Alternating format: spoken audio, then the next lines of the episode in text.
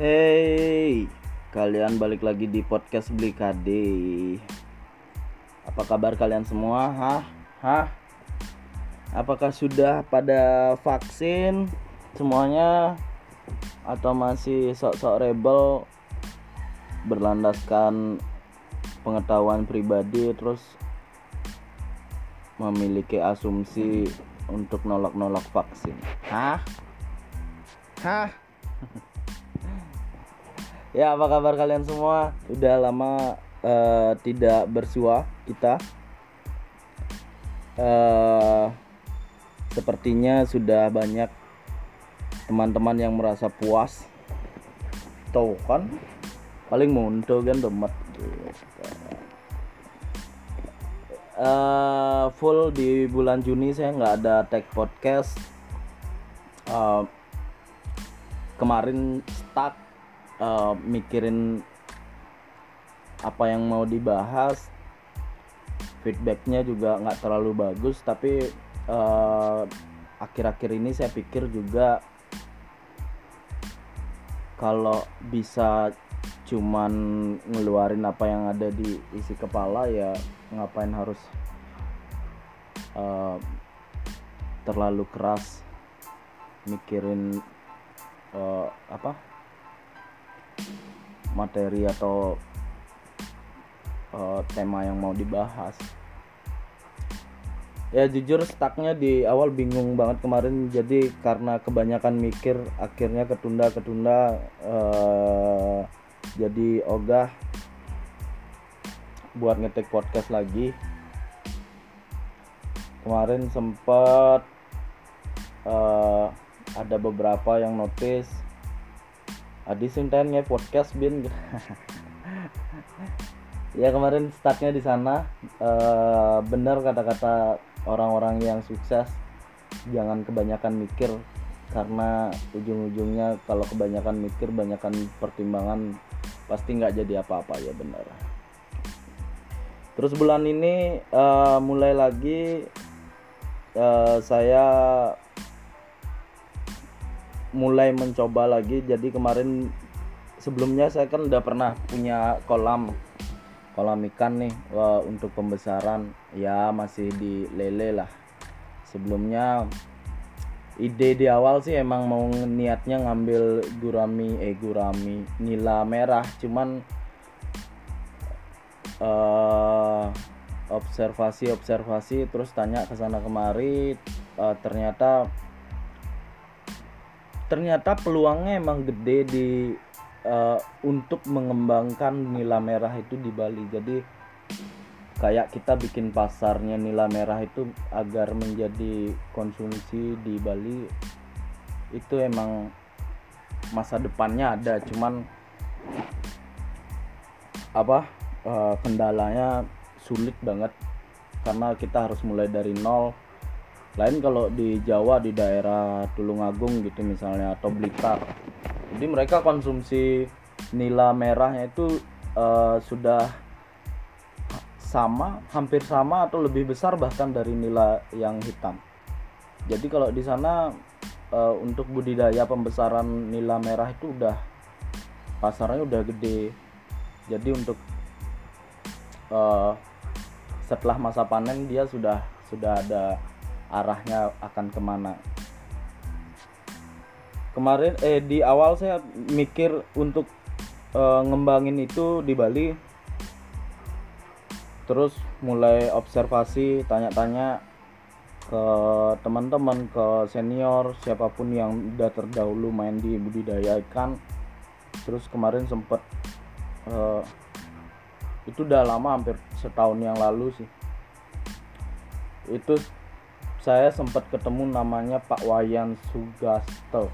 Dia itu kerja di uh, Balai Benih Ikan provinsi atau kota Denpasar saya kurang tahu jelasnya. Uh, dan beliau juga punya banyak kolam pembesaran dan pemijahan ikan uh, lele. Tapi dari segi ilmu ilmunya dia uh, banyak banget jadi ketika kita bertanya uh, atau menggali ilmunya dia dia sangat ramah sekali nggak terlalu pelit sama ilmu. Nah terus sama dia saya tanyain uh, Pak Yan uh, untuk ikan nila merah uh, kira-kira gimana kalau kita kembangin di Bali? Nah si beliaunya jawab tuh D uh, jangankan kita untuk memikirkan mengembangkan ya yang sekarang aja nila merah itu kalau ada di tambaknya di Batur karena Batur kan base nya emang uh, apa namanya uh, pembudidaya nila tuh untuk di danau nya nah kalau di sana itu ada nila merahnya itu di sana dianggap hama jadi nggak nggak yang nggak memiliki tidak memiliki nilai jual kalau nila merah. Nah tantangannya seperti itu sekian besarnya tantangannya kira-kira D bisa nggak untuk membuat konsumsi masyarakat itu uh, untuk memilih si nila merah ini menjadi pilihannya dia. Terus dari segi bibit juga kita sangat susah sekali karena di Bali nila merah itu masih anggapannya seperti ikan mas jadi dia masuknya seperti ikan hias bukan untuk ikan konsumsi. Makanya jarang sekali orang orang ada yang mem, mem, apa membudidaya uh, nila merah. Tapi ada ada cuman itu ya uh, pemainnya sedikit sekali lah. Nah terus akhirnya saya masih penasaran terus coba-coba cari-cari supplier yang di luar yang bisa uh, menuhin bibit nila merah waktu itu sempat ketemu di daerah apa ya itu ya. Pokoknya dia perusahaan besar dia kalau ngirimnya bukan pemain kecil atau perorangan dia udah dalam bentuk perusahaan. Jadi minimal memang harga bibitnya murah sekali harganya cuma 200 rupiah untuk uh, size 7 cm 8 cm uh, terus dikirim bisa dikirim ke, ke Bali nah kita tinggal ambil di uh, uh, di tempatnya karantina yang ada di bandara. Jadi dia ngirimnya pakai pesawat. Kalau dengan asumsi kalau pesawat kan lebih cepat tuh jadi daya tahan ikannya itu nggak nggak nggak terlalu terpengaruh lah di sana. Nah kendalanya waktu itu uh, si perusahaan ini menjual bibit itu dengan minimal pengambilan 30.000 uh, ekor. Jadi kalau 30.000 ekor itu kali 200 rupiah itu sekitar 6 juta kalau nggak salah. Ya 6 juta rupiah.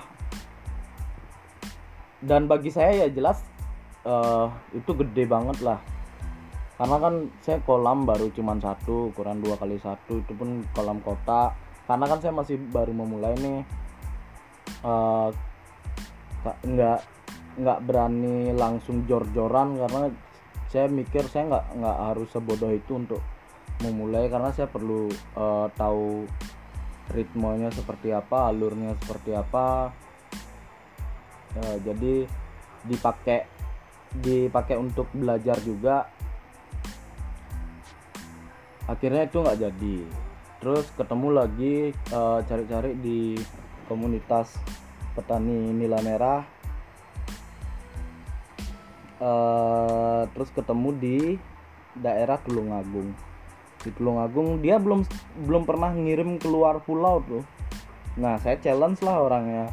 Mas bisa nggak coba kita coba nih uh, mas kirim ke Bali uh, titip sama travel nanti saya jagain di uh, apa di terminal waktu waktu itu deal harganya berapa ya? Waktu itu ya 350 400 rupiah lah.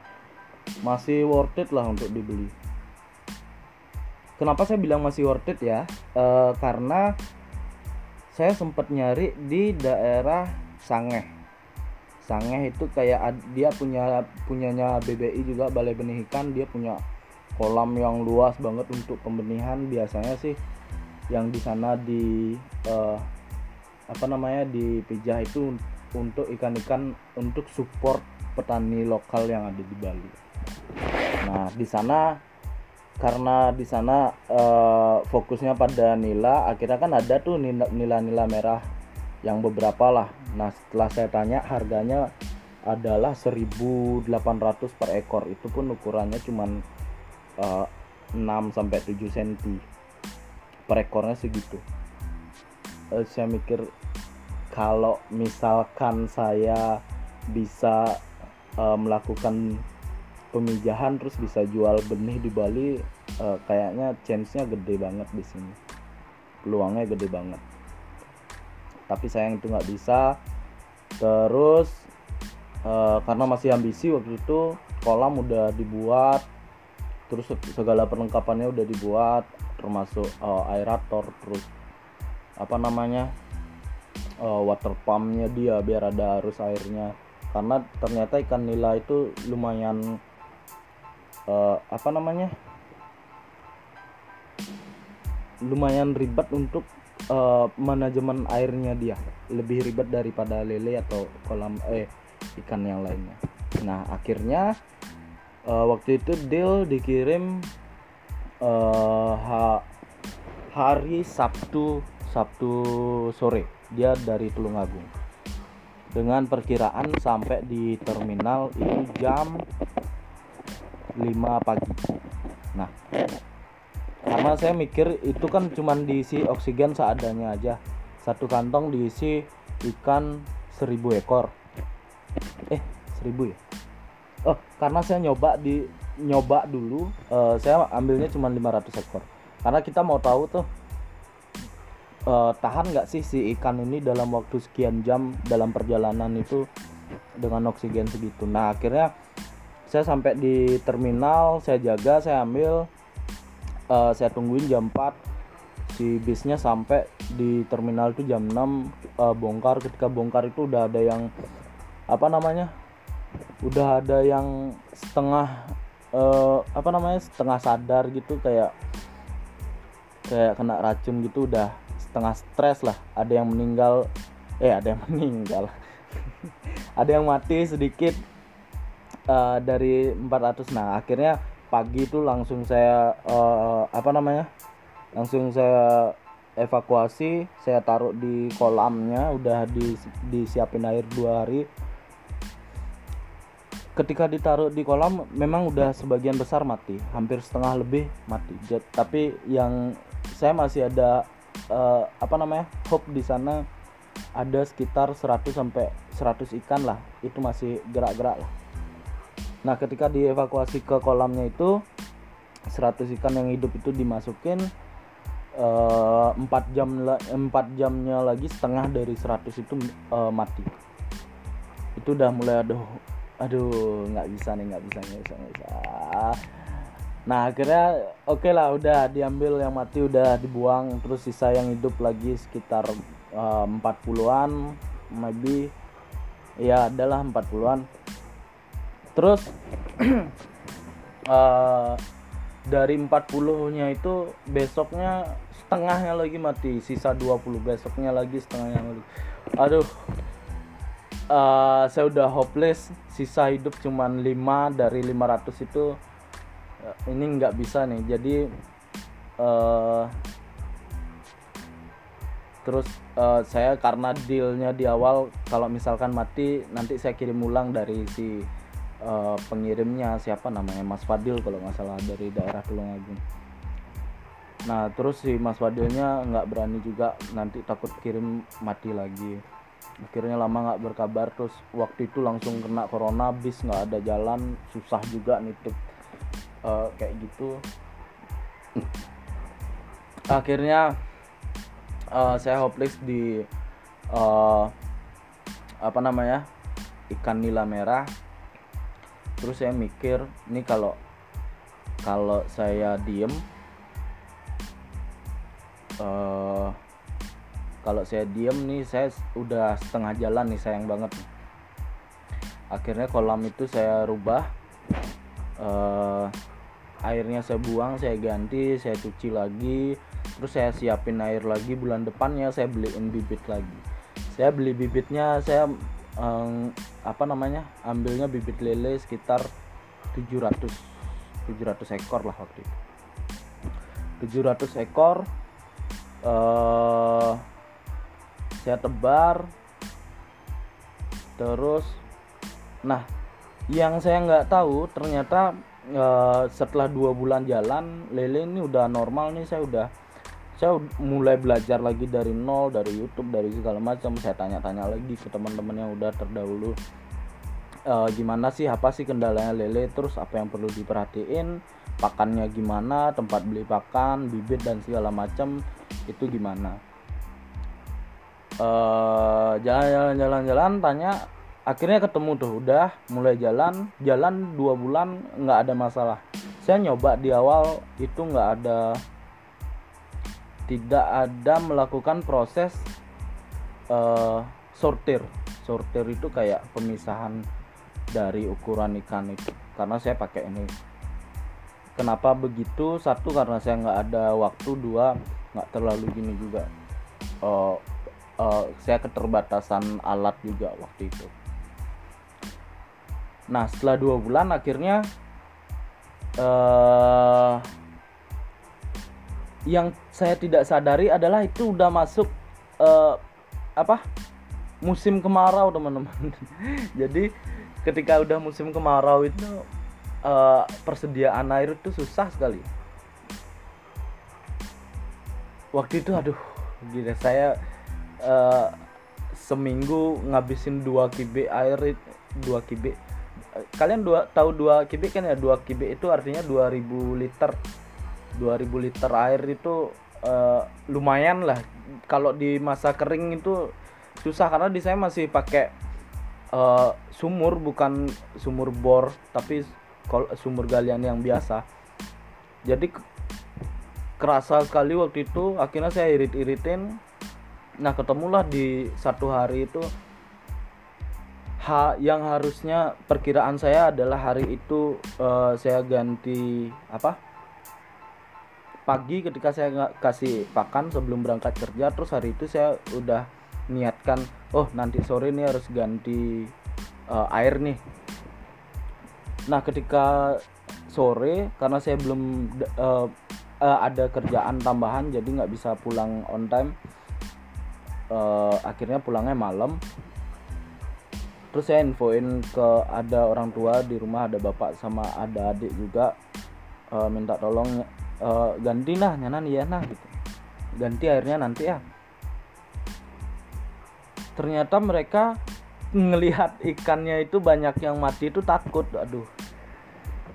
Akhirnya saya datang jam 7 malam. Datang jam 7 malam itu langsung uh, ganti baju langsung bersih-bersih buang air itu setengahnya dari ikan itu udah mati. Wah itu udah gila. Ini hampir 300 ekor itu mati.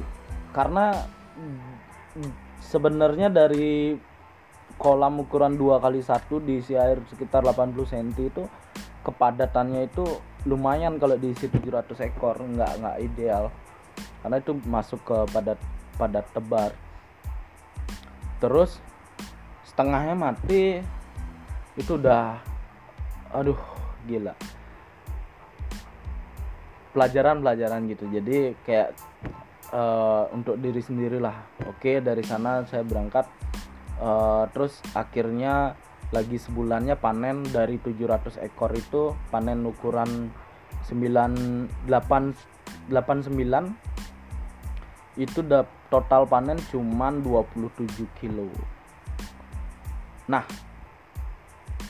nggak sampai di sana.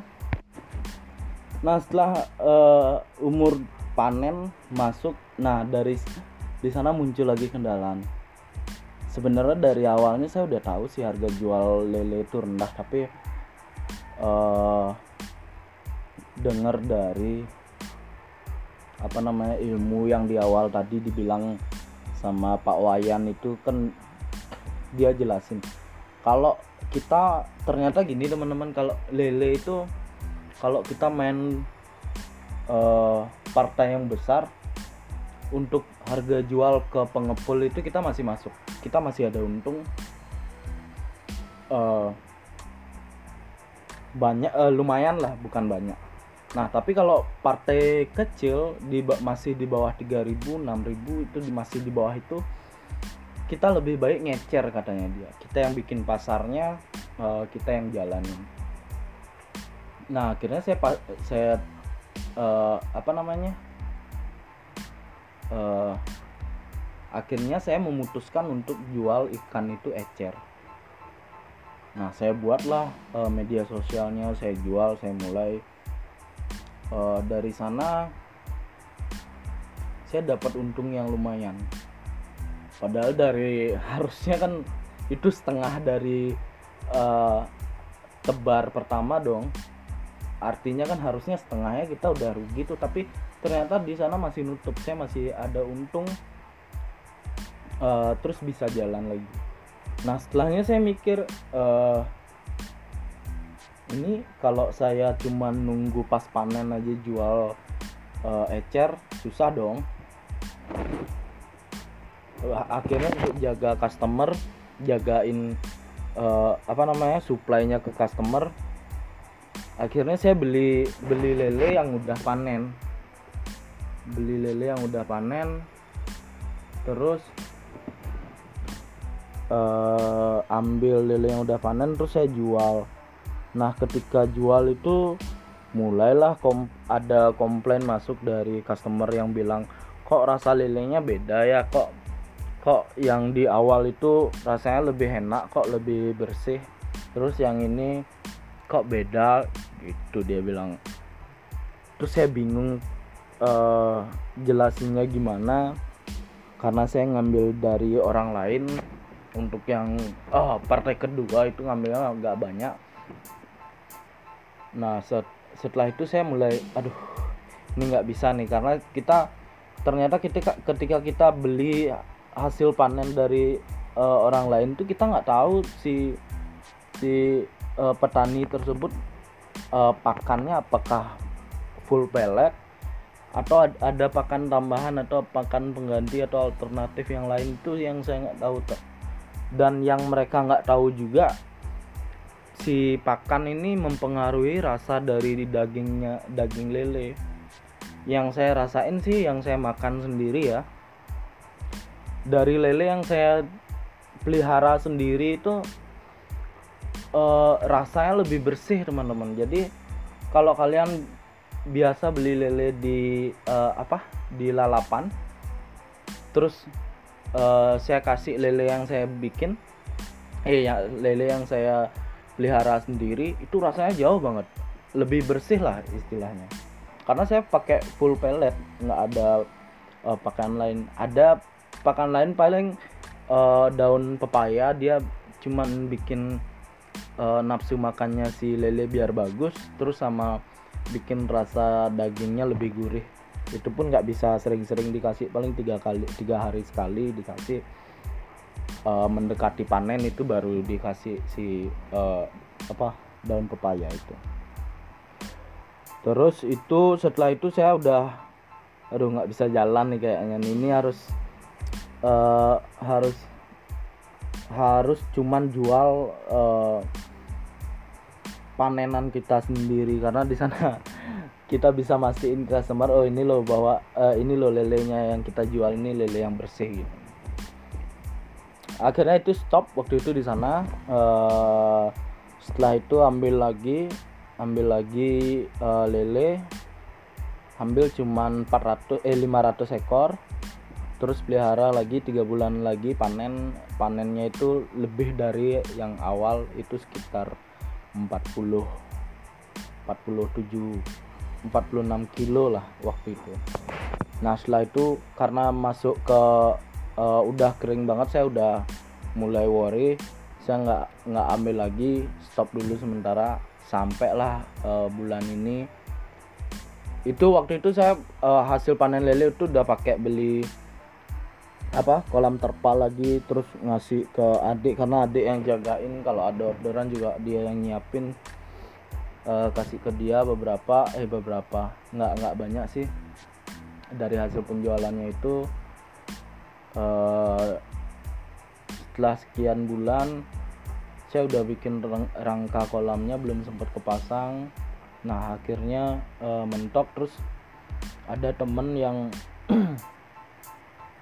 apa namanya mau nyobain uh, untuk usaha budidaya lele itu gimana sih? Nah akhirnya join lah kita berempat waktu itu uh, pakai kolam saya. Terus kita coba kemarin udah diisi 1500 uh, ekor. Terus next rencananya bulan depan udah mulai uh, cari kolam lagi kita uh, sortir. Ya pakai belajar dulu lah nggak berani yang langsung partai gede banget langsung ambil 3000 6000 atau 10000 nggak nggak berani sampai segitu dulu. Karena kan resikonya kalau kita ambil lebih gede ya resikonya lebih gede uh, kita cari ritmenya dulu. Nanti ketika udah tahu ritmenya udah bisa menistilah Bali ini men bisa ngelang eh men bisa ngelangi ngaruh alih ya negedenan gitu. Istilahnya gitu. Kalau kita udah bisa renang baru kita cari uh, air yang lebih besar yang lebih dalam mainnya di sana. Mudah-mudahan lancar teman-teman mohon doanya. Uh, terus kesibukan yang lain bulan ini saya project di toko lagi banyak banget karena uh, banyak sekali perubahan yang dilakukan sama perusahaan. Jadi imbasnya itu ke operasional uh, harus ada beberapa improve yang dilakukan kaitannya dengan uh, peningkatan omset dan segala macamnya ke sana. Jadi itu lumayan uh, nyita waktu kemarin nyita fokus juga uh, kemarin uh, hari ini udah uh, mulai landai lagi lah tapi nggak nggak mau saya nggak mau terlalu uh, apa namanya udah santai nih sekarang. Terus saya nggak mau kehilangan fokus di sana udah mulai merucut uh, saya hajar lagi dar dar dar. Untuk bentuk tim yang lebih solid mudah-mudahan uh, lancar lah. Uh, terus kema udah mulai ngembaliin disiplin diri uh, udah hampir tiga minggu sekarang kerja mulai jam 6 uh, ternyata perubahannya gede banget kerasa. Jadi ketika kita nih bisa lebih awal datang dari timnya kita tuh ternyata tim itu semangatnya jadi beda dia. Kayak yang sebelum-sebelumnya tuh udah kayak kereta yang udah mau ngerim nih keretanya.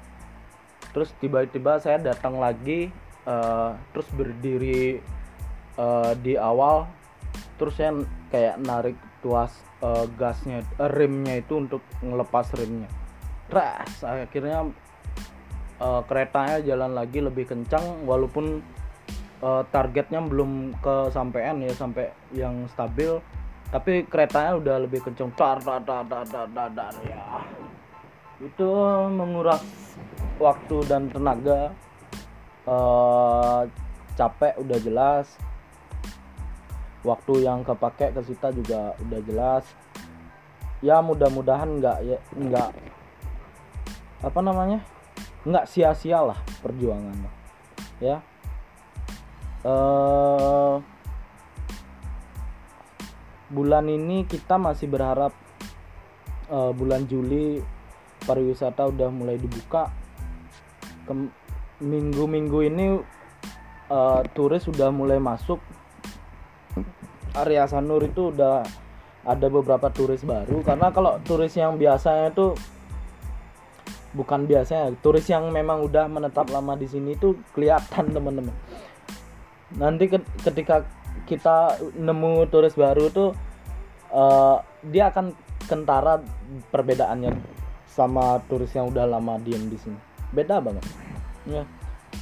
Kalau di area Sanur tuh kita ketemu turis yang lama itu udah udah kayak ketemu warga lokal ya udah biasa aja gitu. Tapi kalau ketemu turis baru tuh kelihatan kok oh ini turis baru. Jadi kemarin eh, minggu-minggu ini udah ada masuk beberapa. Mudah-mudahan uh, cepat kembali ke normal uh, terus ekonomi kita membaik lah. Karena karena ketika pariwisata ditutup itu semua lini itu kena dari pedagangnya lah uh, uh, pemilik tanahnya lah penyewa tanahnya lah uh, drivernya lah wah segala macam semua kena semua lini. Nah dengan uh, fokusnya uh, presiden melalui menteri pariwisata terus sama uh, gubernur kita gubernur Bali Bapak Koster dengan mengupayakan tetap mengupayakan Juli ini harus buka. Dan kemarin juga Pak Sandiaga Uno sudah berstatement Juli uh, Bali harus tetap buka.